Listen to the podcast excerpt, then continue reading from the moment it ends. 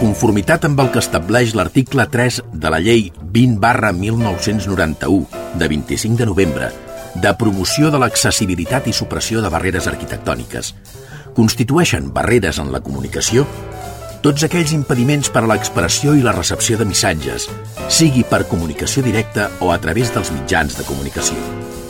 És per això que, emparant-nos en aquesta llei, volem que cada ciutadà gaudeixi del seu propi espai per moure's. Un espai sense censura. Un espai en què vosaltres sigueu els protagonistes. En definitiva, un espai per tothom. Benvinguts a Espai Vital.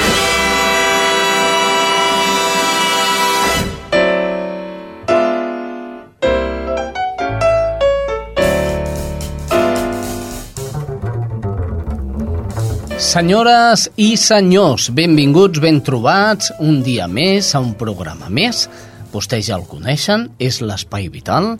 I també a la Maria López. Hola, Maria, bon dia. Hola, Xavi, bon dia. Què tal, com estàs? Avui Molt bé. ben, ben riallera. Una miqueta con mocosillos, aquello, Sí. lo, lo que pasa de la gripe...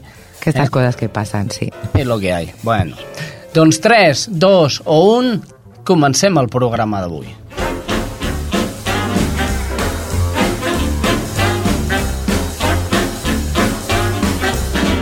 Espai Vital, el primer programa adaptat de les zones.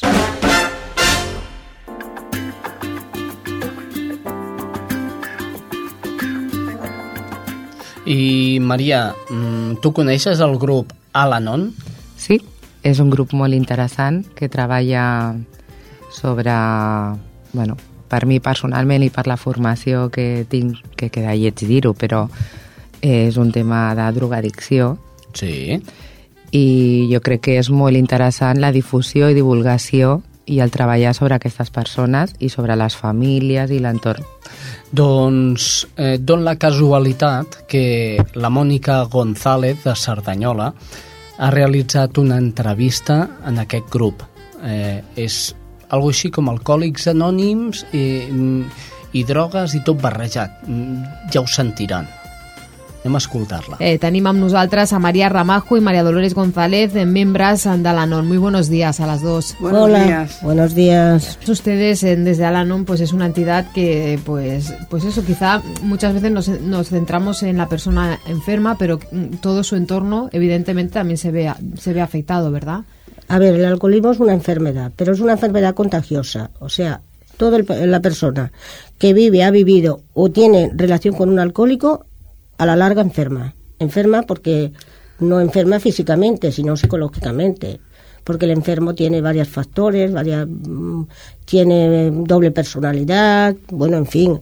Hay unas cosas que hace que no son normales. Cuando está sin beber, actúa de una manera, cuando está bebido, pues actúa de otra. O sea, cuando está sobrio es una persona y cuando no está, cuando está bebido, pues eh, es una persona pues que, que, que, que está pues muy mal. Entonces, esos cambios de actitud que tiene el alcohólico, pues te los va contagiando, porque claro, no es lo mismo que venga por la mañana con un ramo de flores que por la noche te venga insultando o pegando o haciendo cosas que no que están fuera de lugar.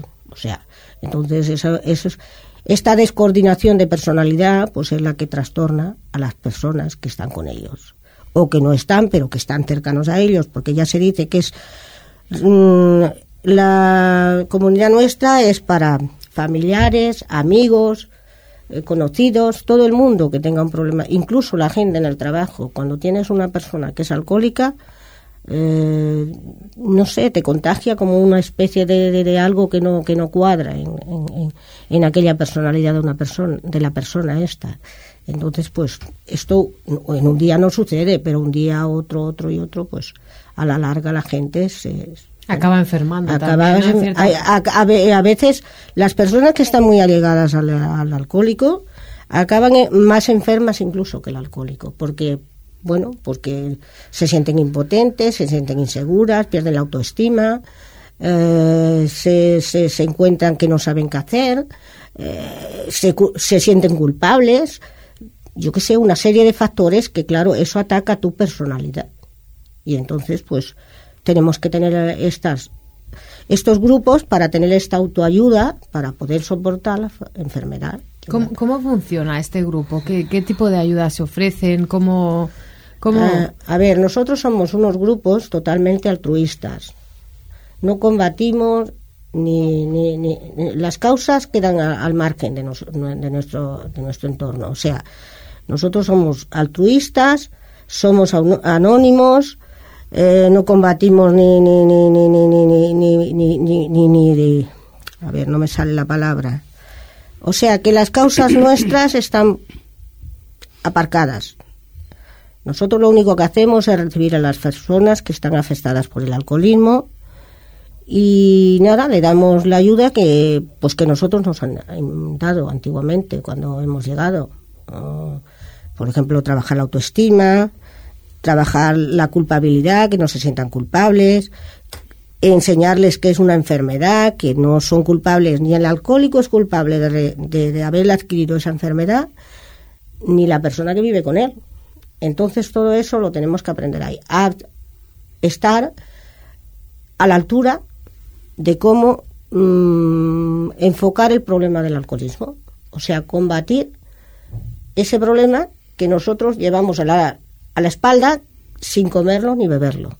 Y ese es nuestro método. ¿Y cómo lo hacen con charlas? Eh, ¿Se juntan algún día a la semana? ¿Cómo, cómo- Nosotros nos juntamos cada semana los martes a las 6 de la tarde en Francés Lerese 34 y bueno, pues ahí hacemos pues unas terapias de grupo. Son terapias de grupo. Tenemos una o sea, tenemos una literatura, leemos un texto, lo desglosamos y de esta forma cada persona luego va participando uno a uno de lo que ha entendido del texto, o sea, desglosando el texto de la forma que él lo ha- o ella lo ha entendido.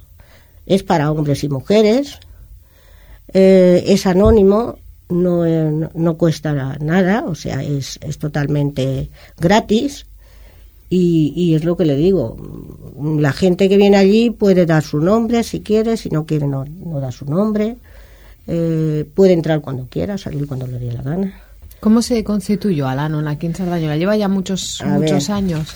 Mira, Alanón se constituyó aquí en Sardañola hace 21 años, 21-22. Los alcohólicos empezaron un poco más pronto, casi. Los alcohólicos llevan cerca de los 23 años.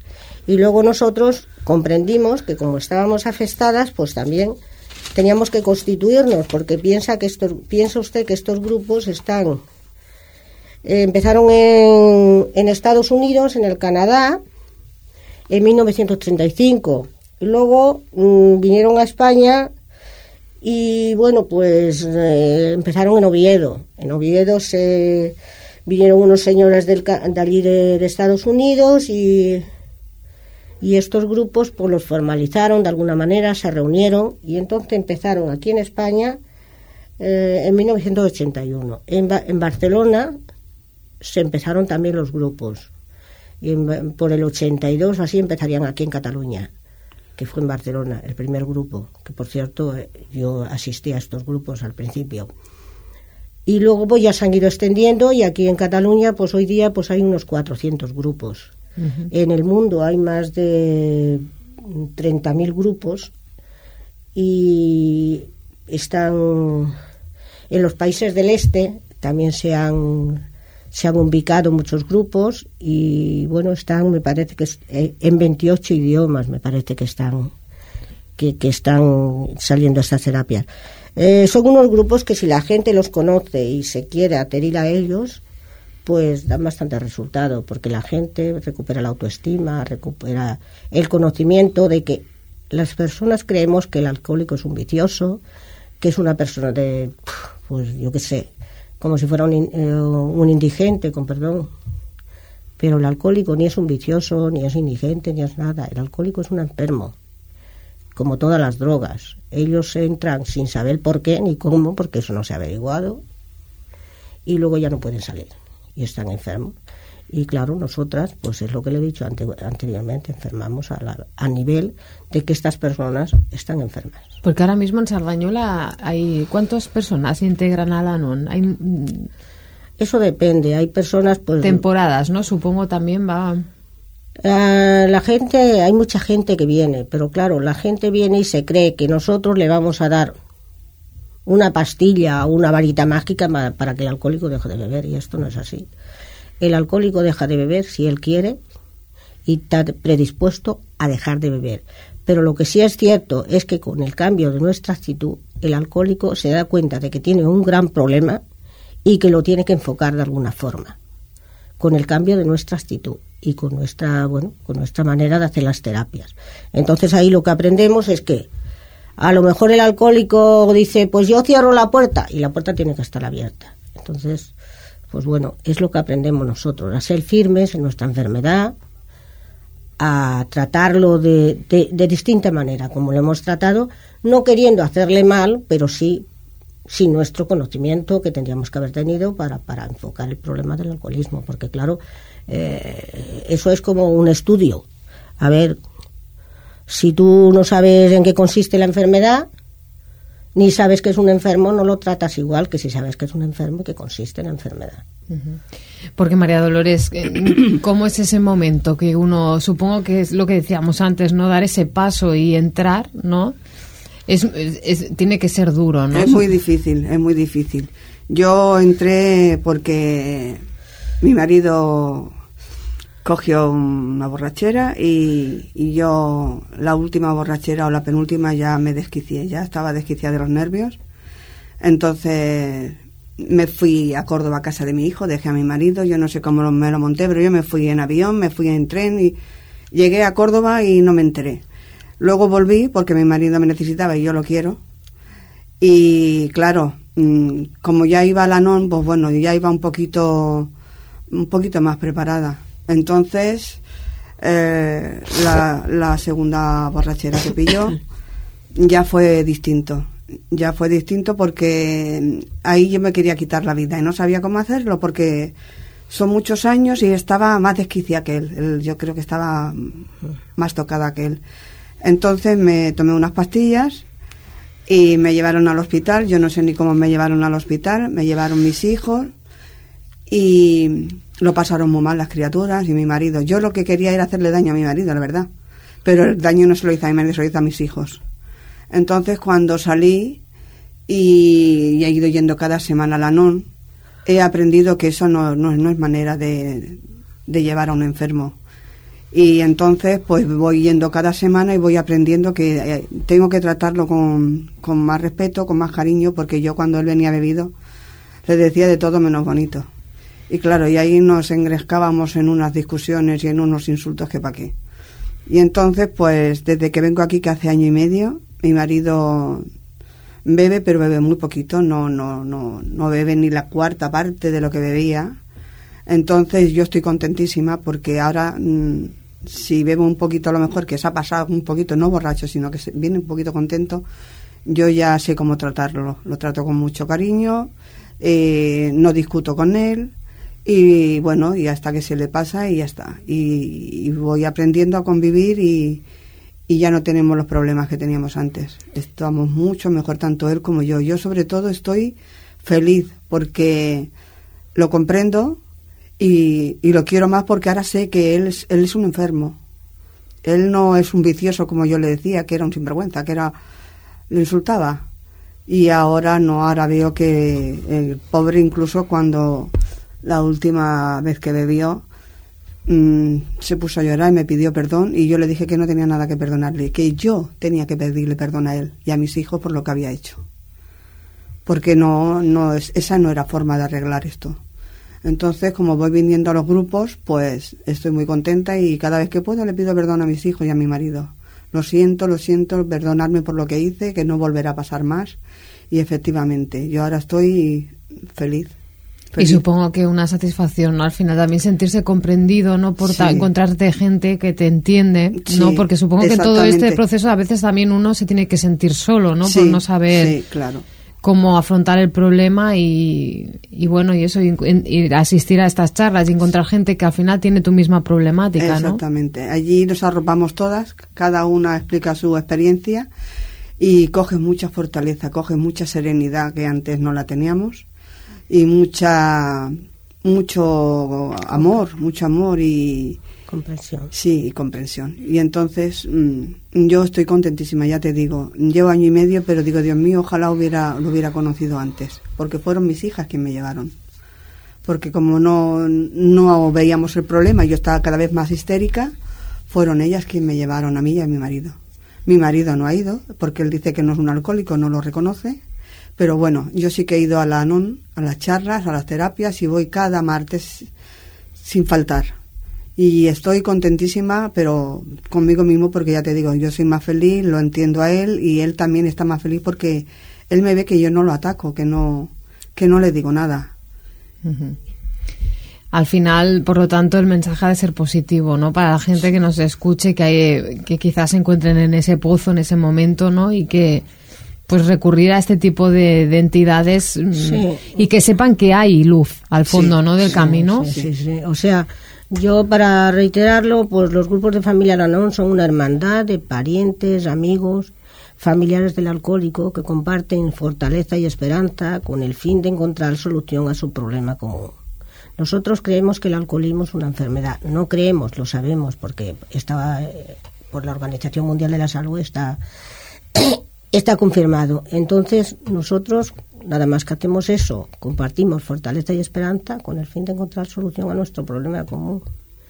Y nosotros no, no practicamos ninguna clase de religión ni entidad, ni nos metemos con entidades políticas, ni organizaciones, ni instituciones. No compartimos ni, ni apoyamos ninguna causa, somos totalmente ajenos a todo, no, no percibimos subvenciones de nadie, nos subvencionamos por nuestros propios medios, o sea, no estamos ateridos a nadie para que nadie nos pueda manipular, ni ninguna empresa extraña, ni dinero, ni prestigio nos desvíen de nuestro objetivo, que es el ayudar a los familiares y amigos de, que sufren este problema. O sea, que ya es mucho. O sea, nosotros somos unas personas de las pocas que hay que no están adheridos a nadie. O sea, nosotros somos totalmente independientes de todo el mundo. En nuestra organización puede venir una persona agnóstica, una persona religiosa, un cura, un musulmán, un ateo, o sea, un ruso, un alemán, o, un, o sea, el, eh, eh, son grupos atípicos, sí, porque ya le digo, grupos que no estén adheridos a organizaciones, ni instituciones, ni, ni, ni, ni religiones, ni, bueno, en fin, es, es, es muy válido. Yo estoy muy contenta precisamente por eso, porque soy una persona independiente y a mí me gusta la independencia de mi personalidad y de mi ser. O sea, no me gusta que nadie me, lleve a su terreno. Eh, yo lo que quiero es eso, es estar bien conmigo misma, estar bien con los demás y practicar el programa en la medida que puedo y de ayudar a otras personas en la misma forma que me han ayudado a mí. Ya para cerrar esa entrevista, ¿qué mensaje, mayor mensaje ya no hay, no?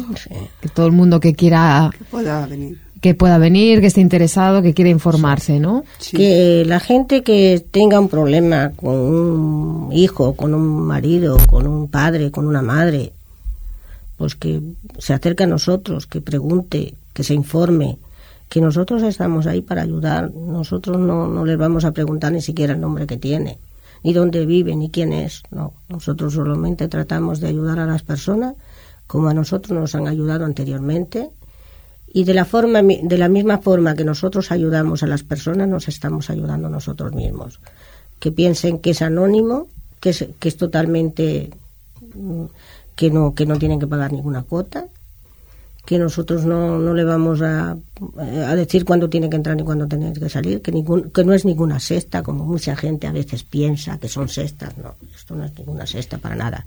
Esto es combatir una enfermedad que es muy grave que la gente no, bueno, pues la sociedad pues a veces no lo reconoce.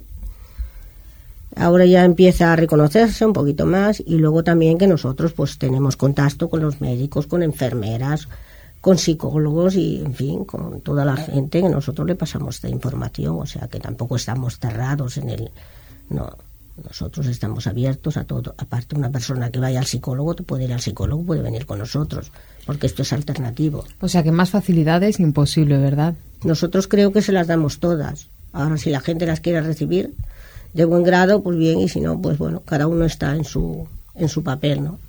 La gente que quiera seguir sufriendo al lado de una persona que tenga problemas con la enfermedad del alcoholismo, está en su derecho, pero si quiere recuperarse y recuperar su autoestima y su estabilidad emocional, pues puede dirigirse a nosotros. Estamos ahí con los brazos abiertos para ayudar a todo el mundo y ayudarnos a nosotros mismos.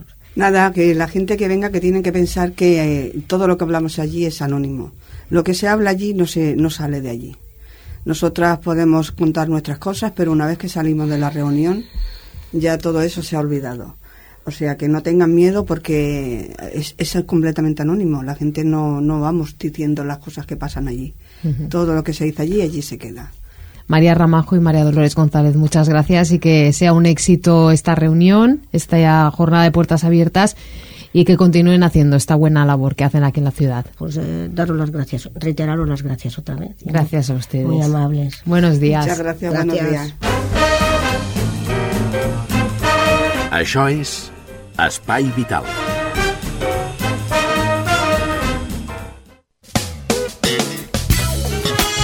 Maria, què t'ha semblat l'entrevista d'Alanon? Eh?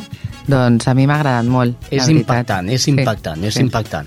Per cert, eh, vam parlar en altres ocasions i fora d'aquests micròfons que eh, estaria bé parlar de la obesitat infantil. Sí, que és un tema molt preocupant eh, en els darrers temps perquè hi ha molts nens i moltes nenes Mhm. que tenen una alimentació, sigui perquè eh, mengen fora de casa, no a l'escola, que sí que tenen uns dietistes que regulen els menús, i que poden ocasionar mm, per la societat amb la que vivim d'estàndards després quan comencen a créixer una baixa autoestima i un problema seriós. Doncs mira, jo t'ofereixo que escoltem avui a l'Espai Salut dedicat a la obesitat infantil. Molt bé, Xavi. Salut.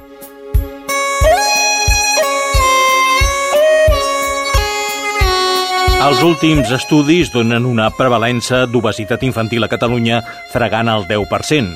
Fa 25 anys, a casa nostra, només el 4% patien aquest trastorn.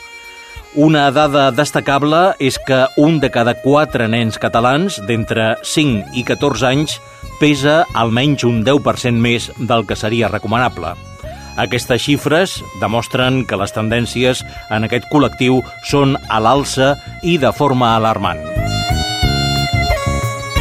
Amb la col·laboració del Servei de Salut Pública de la Diputació de Barcelona.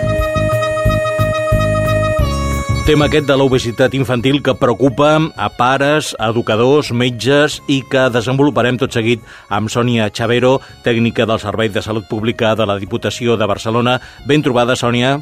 Hola. Què podem entendre per obesitat infantil? Quan, quan un nen podem considerar-lo obès? Doncs un nen és obès quan presenta una acumulació de greix, eh, que és causada pel desajust que està entre l'energia que consumeix i l'energia que eh, crema el seu propi organisme. I quins impactes té l'obesitat infantil sobre la salut en general? Doncs eh, l'obesitat infantil té moltes repercussions en la qualitat de vida d'un infant i pot arribar a afectar tant la salut física com la salut emocional i la salut social.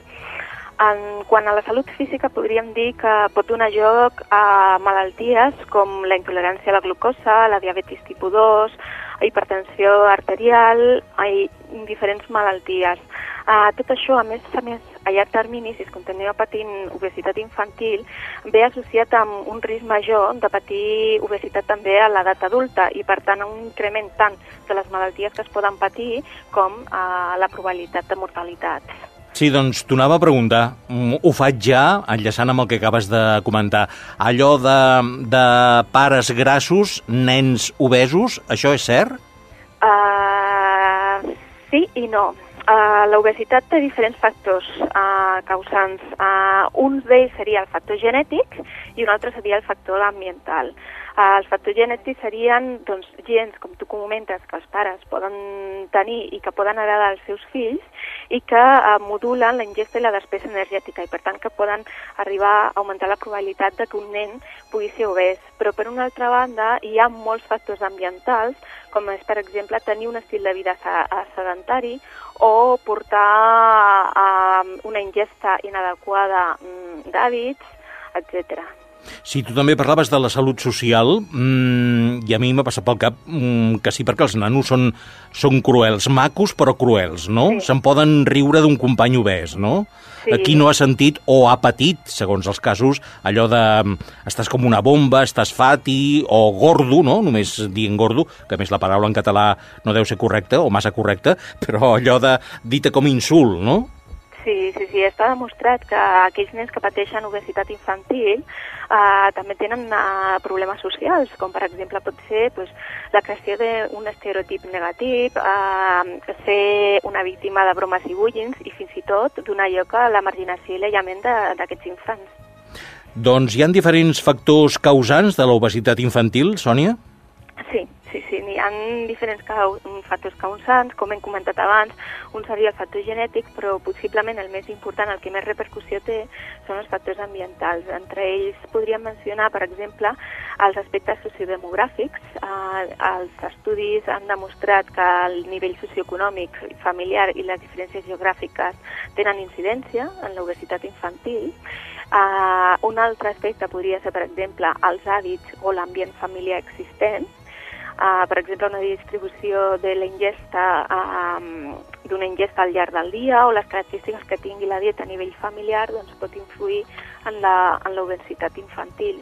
Una ingesta elevada de grasses, un baix consum de fruites i verdures o un alt consum, de, per exemple, de pastissos, dolços i, i snacks. Sí, però com podem fer entrar la, la fruita i les verdures en la dieta dels nostres nanos? Sense traumes, és clar, sense que hi hagi massa escrit, si, si és possible, no?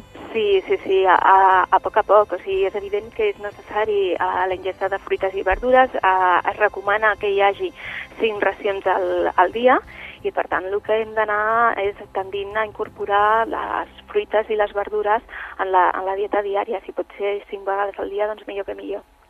Doncs deixem-ho aquí per avui, perquè el temps ens ha escapat, però continuarem mm, en un proper espai.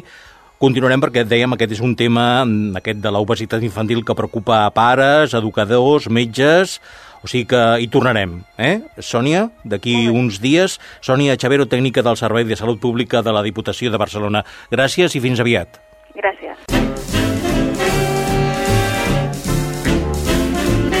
Estàs escoltant Espai Vital. I des de Cerdanyola, Ripollem, Montcada, Barberà, Santa Perpètua i Sabadell. A totes elles us diem bon dia. Maria, anem a fer un vol per aquestes poblacions per conèixer quines són les últimes novetats sanitàries? Perfecte. Algunes són socials.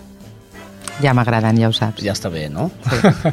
doncs molt bé, comencem. Anem a Cerdanyola. Allà es troba la periodista Mònica González. Hola, Mònica. Molt bon dia, Xavi, des de Cerdanyola Ràdio. Un centre de la Universitat Autònoma de Barcelona assisteix als afectats per la tragèdia del Costa Concòrdia. Els afectats de l'enfonsament del vaixell poden rebre suport psicològic de la Unitat de Trauma, Crisi i Conflicte de Barcelona, de la Universitat Autònoma de Barcelona, segons s'ha acordat amb el Departament de Salut de la Generalitat. El centre del campus universitari de Cerdanyola, creat per la Universitat Autònoma de Barcelona i el Col·legi Oficial de Psicòlegs de Catalunya, és especialista en atenció i suport psicològic a persones afectades per episodis d'estrès agut i traumàtic. La unitat de trauma, crisi i conflictes de Barcelona es va crear al maig de 2011 amb l'objectiu de donar assistència en el moment d'impacte d'un incident crític i per tenir un centre especialitzat on poder fer un seguiment de les persones afectades per una experiència traumàtica i també per dedicar-se a la prevenció, la docència i la formació de professionals en tots aquests àmbits. La unitat posa a disposició de les persones afectades per l'accident del Costa Concòrdia el telèfon d'atenció gratuïta finançat per la Universitat Autònoma al 900 101 580. Repetim el 900 101 580. I això és tot en des de Cerdanyola Ràdio. Salutacions, Espai Vital. Gràcies, Mònica González. Eh, De Cerdanyola anem corrents cap a Ripollet. Allà es troba la cap d'informatius, la Reme Herrera. Hola. Hola, Xavi. Aquesta setmana des de Ripollet us volem parlar d'una nova campanya realitzada des de l'Assemblea Comarcal de la Creu Roja. Es tracta d'un projecte realitzat conjuntament amb l'Associació Sociocultural i Sanitària de Hermanos Unidos de Diaguili, a Mauritània. Creu Roja ja ha fet la primera tramesa de material que reparteix la contrapart africana amb l'objectiu de millorar les condicions higièniques i sanitàries d'aquesta ciutat africana. L'Associació Sociocultural i Sanitària Hermanos de Diaguili va néixer l'any passat amb la intenció d'ajudar el país d'origen dels seus components, Mauritània, i més concretament la ciutat de Diaguili, fronterera amb Senegal i a 45 quilòmetres de Mali. Diaguili té uns 27.000 habitants en una zona molt empobrida on es viu principalment de l'agricultura i pràcticament la totalitat dels joves, quan arriben als 18 anys, emigren a d'altres països del primer món a la recerca d'un futur més proper i una vida millor. Per a més informació ja saben que poden contactar amb l'Assemblea de Creu Roja a l'Avinguda de Creu Roja 25 o al telèfon 93 691 61 61. I això és tot per avui, fins la setmana vinent. Fins la setmana vinent, Reme, i anem ràpidament cap a Barberà. És el torn de Judit González. Salutacions de Ràdio Barberà. El passat dimarts 17 de gener, la vicepresidenta de la Fundació Barberà Promoció, Mònica Maia, va signar un conveni de col·laboració amb el gerent de la Fundació Tallers Catalunya, Ricard Mates. Amb aquesta assignatura, que tindrà una vigència d'un any prorrogable per períodes anuals, l'Ajuntament de Barberà, mitjançant la Fundació Barberà Promoció, pretén impulsar accions conjuntes de col·laboració en l'atenció i la inserció laboral de persones amb discapacitat. La Fundació Tallers oferirà un servei d'acollida, orientació i intermediació a les persones amb certificat de discapacitat que s'adrecin als serveis de la Fundació Barberà Promoció. Es farà un esforç especial per oferir una atenció especialitzada a cada individu amb l'objectiu d'adaptar les seves competències laborals a les de l'empresariat i millorar així les possibilitats d'inserció laboral. El prospector de la Fundació Barberà Promoció, és a dir, la persona encarregada d'assessorar i recollir necessitats de les empreses, s'encarregarà d'assessorar-los sobre els beneficis, bonificacions, modalitats de contractació de la llei d'inserció de persones amb discapacitat. Apropar a l'empresariat aquesta llei és un pas endavant per fer caçar les necessitats de competitivitat de les empreses amb la inserció laboral d'aquestes persones. Aquest conveni de col·laboració público-privada posa de manifest un dels objectius de la Fundació Barberà Promoció, que és el de afavorir els processos de concertació social i econòmica entre els diferents agents socials i econòmics de Barberà i Rodalies per afavorir l'ocupació i contribuir en el desenvolupament econòmic de la ciutat. Fins la setmana vinent. Gràcies, Judit González. Dius que hem de fer força, Maria? Sí. Sí, porque nos quieren cobrar un euro por cada receta? Sí, ja estem absolutament en contra. Molt bé, doncs ja ho saben. Espai Vital està en contra, no volem pagar per recepta, ja pagueu prou. Eh, senyors, ja paguen vostès prou pagant la seguretat social. Eh, por eso nos quieren cobrar más de lo que, que no puede ser.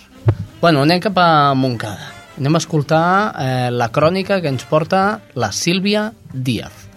Hola, salutacions des de Montcada l'Espai Vital. L'Associació Catalana de la Síndrome de Ret, una entitat que té la seva seu a Montcada i Reixac, i la Fundació Tecnon organitzen el 18 de febrer les segones jornades dedicades a aquesta malaltia, que tenen per objectiu informar tot el ventall d'especialistes mèdics i assistencials sobre com fer una detecció precoç de la patologia i millorar el tractament de les nenes que ja la tenen diagnosticada. La síndrome de Ret, recordem, és una patologia de les denominades rares d'origen neurològic que afecta principalment les nenes i que té el els seus arrels en una alteració genètica. Segons ha explicat l'associació, els avenços i la investigació han permès la millora en el tractament de les afectades. L'acte del dia 18 arrencarà a les 9 del matí a la sala d'actes de la Fundació a Barcelona i la inauguració anirà a càrrec del conseller de Salut de la Generalitat, Boi Ruiz. El paper del pediatre, del metge de família i del psicòleg i la genètica són alguns dels temes que es tractaran durant la jornada, ponències que també es podran seguir online a través del web de l'associació. Les inscripcions són gratuïtes gratuïtes i per assistir-hi s'han de reservar plaça trucant al telèfon de la Fundació al 93 290 62 68 o bé enviar un correu electrònic a l'adreça fundacion arroba tecnoc.es. Això és tot, fins la setmana vinent. Gràcies, Sílvia Díaz, i anem cap a Santa Perpètua de la Moguda. Allà, com sempre, es troba la nostra estrella, l'estrella Núñez. Salutacions des de Santa Perpètua per a l'Espai Vital. L'Ajuntament de Santa Perpètua col·laborarà econòmicament amb gairebé 20.000 euros amb l'Institut Municipal de Serveis als Discapacitats de Mollet del Vallès, que acull actualment set usuaris del nostre municipi. El segon tinent d'alcalde de l'àrea de benestar social i atenció a les persones a l'Ajuntament de Santa Perpètua, Francesc Rodríguez, i l'alcalde i president de l'Institut Municipal de Serveis als Discapacitats de Mollet del Vallès, Josep Monràs, van signar el 24 de gener un conveni de cooperació. En l'acord, l'Ajuntament perpetuenc reconeix els esforços que fins ara ha fet l'administració de Mollet per gestionar els serveis dels quals se'n beneficien veïns de Santa Perpètua i coincideix amb l'Institut, que és de justícia, que col·labori econòmicament a aixugar el dèficit que fins ara ha suportat únicament l'Ajuntament de Mollet. Pel que respecta a Santa Perpètua, sis usuaris assisteixen al Centre Ocupacional del Bosc i un al Centre Especial de Treball Taller Alborada. El conveni de cooperació té una durada d'un any i afecta l'anualitat de 2011, encara que es pot prorrogar i revisar l'import econòmic en funció de la variació del nombre d'usuaris. El segon tinent d'alcalde, Francesc Rodríguez, ha recordat que l'Ajuntament de Santa Perpètua vol disposar d'un centre de recursos per a discapacitats al municipi que ha projectat en el castell de Cantalló. L'Ajuntament de Santa Perpètua col·laborarà econòmicament amb gairebé 20.000 euros amb l'Institut Municipal de Serveis als Discapacitats de Mollet del Vallès. De moment això és tot des de Santa Perpètua. Fins la setmana vinent. Gràcies, Estrella Núñez. Per últim, anem cap a Sabadell. Allà, com sempre, ens explica la crònica, ens porta la crònica la Karen Madrid. Salutacions des de Sabadell. El tancament d'ambulatoris en horaris nocturns i de cap de setmana no ha passat factura al CUAP Sant Fèlix, l'únic centre de la ciutat que té servei d'urgències a aquestes hores. Segons els seus responsables, el nombre d'usuaris s'ha estancat des que es van anunciar les retallades i alguns mesos, com el desembre, fins i tot han caigut un 20%. Tot i això, asseguren que els pacients no han canviat la percepció de les seves malalties, ja que s'han atès les mateixes patologies que abans de la reestructuració. En quant a mesures d'estalvi, els pacients han acceptat bé l'ús dels medicaments genèrics i de prescindir de les ambulàncies si es pot evitar. És tot des de Sabadell.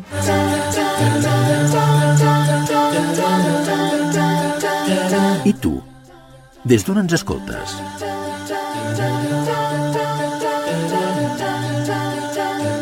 Espai vital sense fronteres.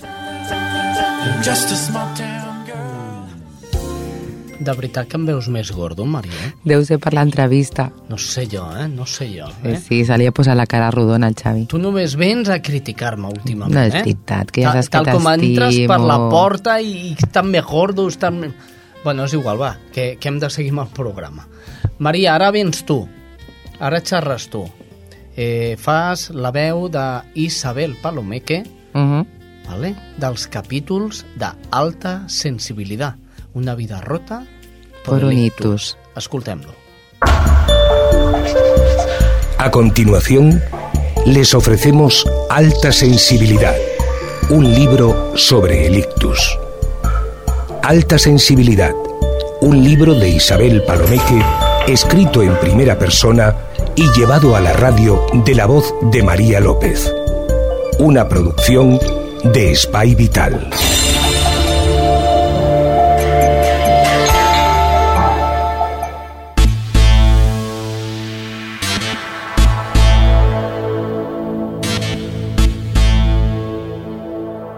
Correr, correr, hacer ejercicios, trabajar hasta la extenuación con logopedas, fisioterapeutas y luchar a todas horas posibles. Este era mi plan y debía ponerse en marcha inmediatamente. Había conseguido salir de la atmósfera asfixiante del Valdebrón y respirar algo que no fuera aire de asepsia y enfermedad. Una vez fuera, ahora todas mis esperanzas se centraban en la recuperación en el Instituto Goodman, que me planteaba como el entrenamiento en un centro de alto rendimiento. Me hice dos propósitos. Tenía que abandonar la silla de ruedas y volver a andar. Y sobre todo, debía recuperar la palabra, o al menos una cierta fluidez verbal para conseguir comunicarme. Mis padres habían estudiado la opción de ingresarme en el hospital Aitameni de Mondragón o bien en el Gutman, pero fue este último el que me aceptó para empezar de forma inmediata. Mi falta de paciencia no me permitía dejar pasar ni un segundo más. Desde mi silla de ruedas solo me podía poner de pie con la ayuda de una bota ortopédica con dos férulas que protegían el pie derecho de posibles esguinces.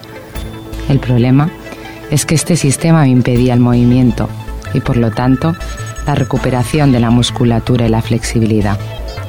En poco tiempo, mi entorno se había convertido en experto en rehabilitación y mi madre incluso había aprendido todos los ejercicios prescritos por los fisioterapeutas por atenderme más allá de las sesiones. Ella había desarrollado un dispositivo de atención médica que en aquel momento no se recibía desde los canales oficiales. Era preciso coordinar la actuación de todos los profesionales, neurólogos, traumatólogos, fisioterapeutas, logopedas y también, claro está, las enfermeras. Ponerles de acuerdo y hacerles trabajar con un objetivo común, mi recuperación. Donde no llegaban ellos, llegaban mis padres o bien mis amigos. Así que la noche antes de empezar mi recuperación en el Goodman, me sentía llena de una fortaleza ficticia, preparada para poner a prueba todos mis nuevos límites físicos y psíquicos, y a la vez asustada por los resultados. ¿Y si no conseguía volver a andar? ¿Y si mi brazo derecho no respondía nunca jamás? ¿Y el habla? A duras penas conseguía todavía unir el pensamiento con las palabras correspondientes. Necesitaba dejar de ser una muñeca desbaratada y recuperarme del todo, o al menos hacer frente a los límites de mi nuevo estado, si era el caso. Cualquier persona que haya tenido la oportunidad de visitar alguna vez el Instituto Goodman sale con el corazón en un puño. Este centro acoge sobre todo a víctimas de accidentes de tráfico o cualquier otro tipo de accidente que condenan a la hemiplegia o la tetraplegia a personas de todas las edades, siendo la mayoría espantosamente jóvenes. Ahí encuentras el chico que haciendo una broma en su despedida soltero se ha tirado de cabeza a una piscina sin calcular la distancia con el fondo. El adolescente que bebido se ha salido de la carretera con su moto. El joven que en el trabajo ha sufrido un impacto frontal, quizás una de las lesiones más devastadoras por sus efectos en el cerebro. Debo reconocer que era muy difícil sustraerse de aquel ambiente depresivo. Cada uno de nosotros tenía una terrible historia que explicar, unas terribles secuelas con las cuales convivir y, en definitiva, una terrible prueba de resignación y superación. Yo era una más en aquel conjunto, y pese al dolor con el cual convivía cada día en el Goodman, me había puesto una venda en los ojos para concentrarme solo en mi trabajo y conseguir el máximo de la rehabilitación. Es muy fácil instalarse la tragedia, hacer de tu vida un pozo de pesimismo, pero no era y no es mi caso. Había decidido no vivir encarcelada por el ictus, sino rehuirlo, actuar como si solo existiera el día siguiente mirando adelante. En este sentido, durante las primeras semanas en el Goodman, la rutina fue un gran consuelo. Cada día de 10 de la mañana a 5 de la tarde se iban sucediendo las sesiones de fisioterapia, práctica de deportes, talleres de estimulación y coordinación y logopedia. Nos dejaban libres dos horas para comer, que yo aprovechaba con mi madre para seguir el entrenamiento por mi cuenta, intentando pasear por la pista de baloncesto del centro. Mi obstinación me permitió ponerme de pie en pocos días y la ayuda de muletas o bastón aunque mi equilibrio era bastante precario. Este gran paso, nunca mejor dicho, me llenó de confianza y alegría. En el Goodman, una nueva doctora se responsabilizó de mi evolución y de mi recuperación funcional. Ella misma descartó enseguida el uso de una bota ortopédica y me animó aún más a trabajar de manera independiente. Los resultados, quizás ridículos a la vista de cualquiera, se convertían en gestas heroicas flexionar el codo paralizado, conseguir hacer movimientos laterales con el brazo, andar distancias cada vez más largas. Mi cuerpo, con dolor, con un agotamiento como nunca había conocido, respondía a la dura disciplina al cual lo sometía. Desgraciadamente, mi cabeza no evolucionaba con un ritmo tan prometedor. La comprensión verbal, el dictado y la escritura eran pruebas que iba resolviendo de manera irregular, pero leer era todavía una tarea insuperable. Luchaba contra la fascia y en esta batalla me acompañaban como siempre mis padres, que se convirtieron en asiduos de todas las conferencias sobre el tema. Ellos adoptaron como libro de cabecera familiar el New Oxford Picture Dictionary. una obra que recogía el nombre y el contexto habitual de los objetos. ¿Qué es esto? ¿Lo reconoces? Prueba a decir el nombre. Repetir, repetir y repetir.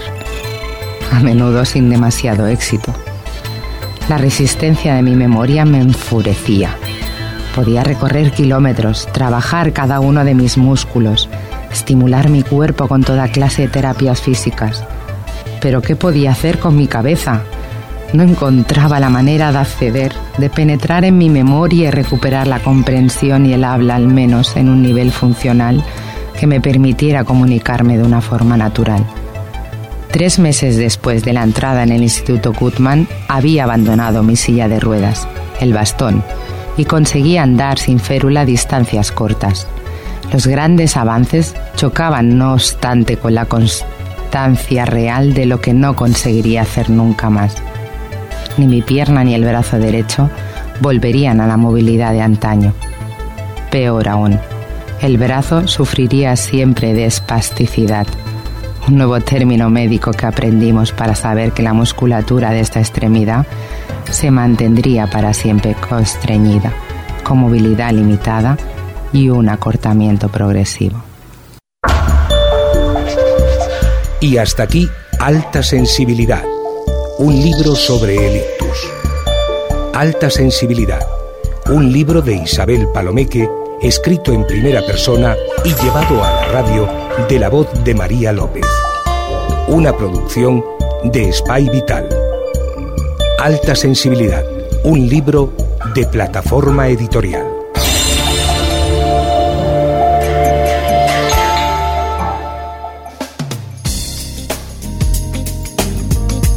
realment increïble la força de voluntat d'una noia que va patir un ictus, que es diu Isabel Palomeque, i que l'hem portat amb el capítol d'avui, que és l'11, si no m'equivoco, Maria, de la teva veu, de la veu de la Maria López. Doncs sí, que va resultar bastant dur, la veritat. Molt bé, canviem i, i riem una mica. El 4 de febrer, a les 8 del vespre, dissabte, us volem veure a tothom a l'Ateneu de Cerdanyola al quart certamen Fem monòlegs. Mono, únic, un de sol. Lec, persona versada o especialista en el que el primer element indica. Si unim les dues paraules és monòleg i qui la practica, monologuista. És a dir, un de sol explicant el que li dóna la gana en un lloc i en un moment determinat o en el quart certamen fent monòlegs que tindrà lloc al Teatre Ateneu de Cerdanyola el proper dia 4 de febrer de 2012, dissabte, a les 20 hores. 10 euros l'entradeta i si et quedes a sopar al bar de l'Ateneu al menú dels monologuistes, per 15 euros gaudiràs d'actuacions en directe mentre tu menges tot amb els monologuistes. Saben aquest de dos jardiners que entren en un jardí molt frondós i un li diu a l'altre «Gaudim mentre podem?» Ho pilleu?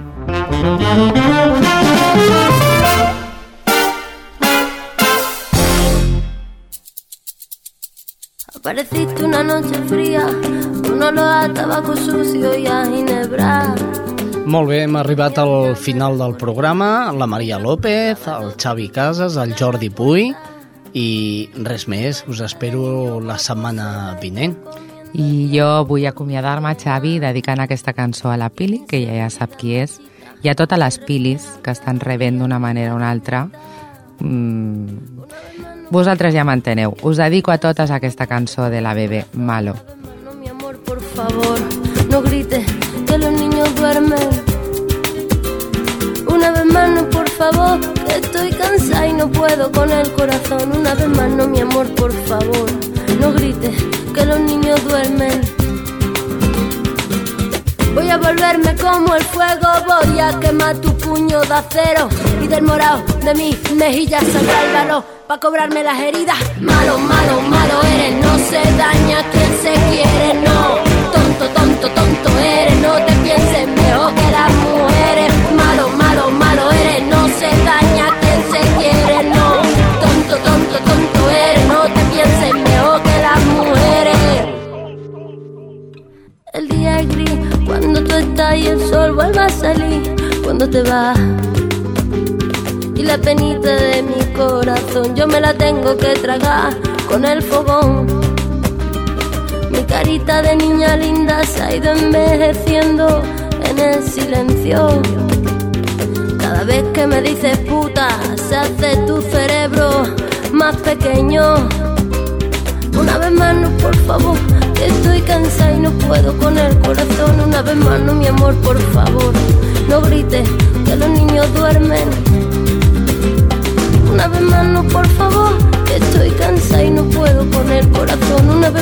Amor, por favor, no grites que los niños duermen.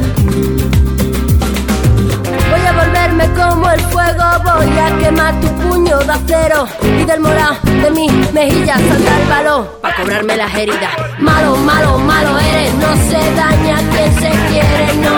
Tonto, tonto, tonto eres, no te pienses mejor que las mujeres. Malo, malo, malo eres, no se daña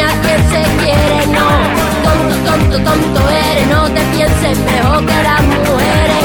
Voy a volverme como el fuego, voy a quemar tu puño de acero y del morado de mis mejillas saldrá el valor para cobrarme las heridas. Malo, malo, malo eres, no se daña quien se quiere, no. Tonto, tonto, tonto eres, no te pienses mejor que las mujeres. Malo, malo, malo eres, no se daña quien se quiere, no. Tonto, tonto, tonto eres, no te pienses mejor que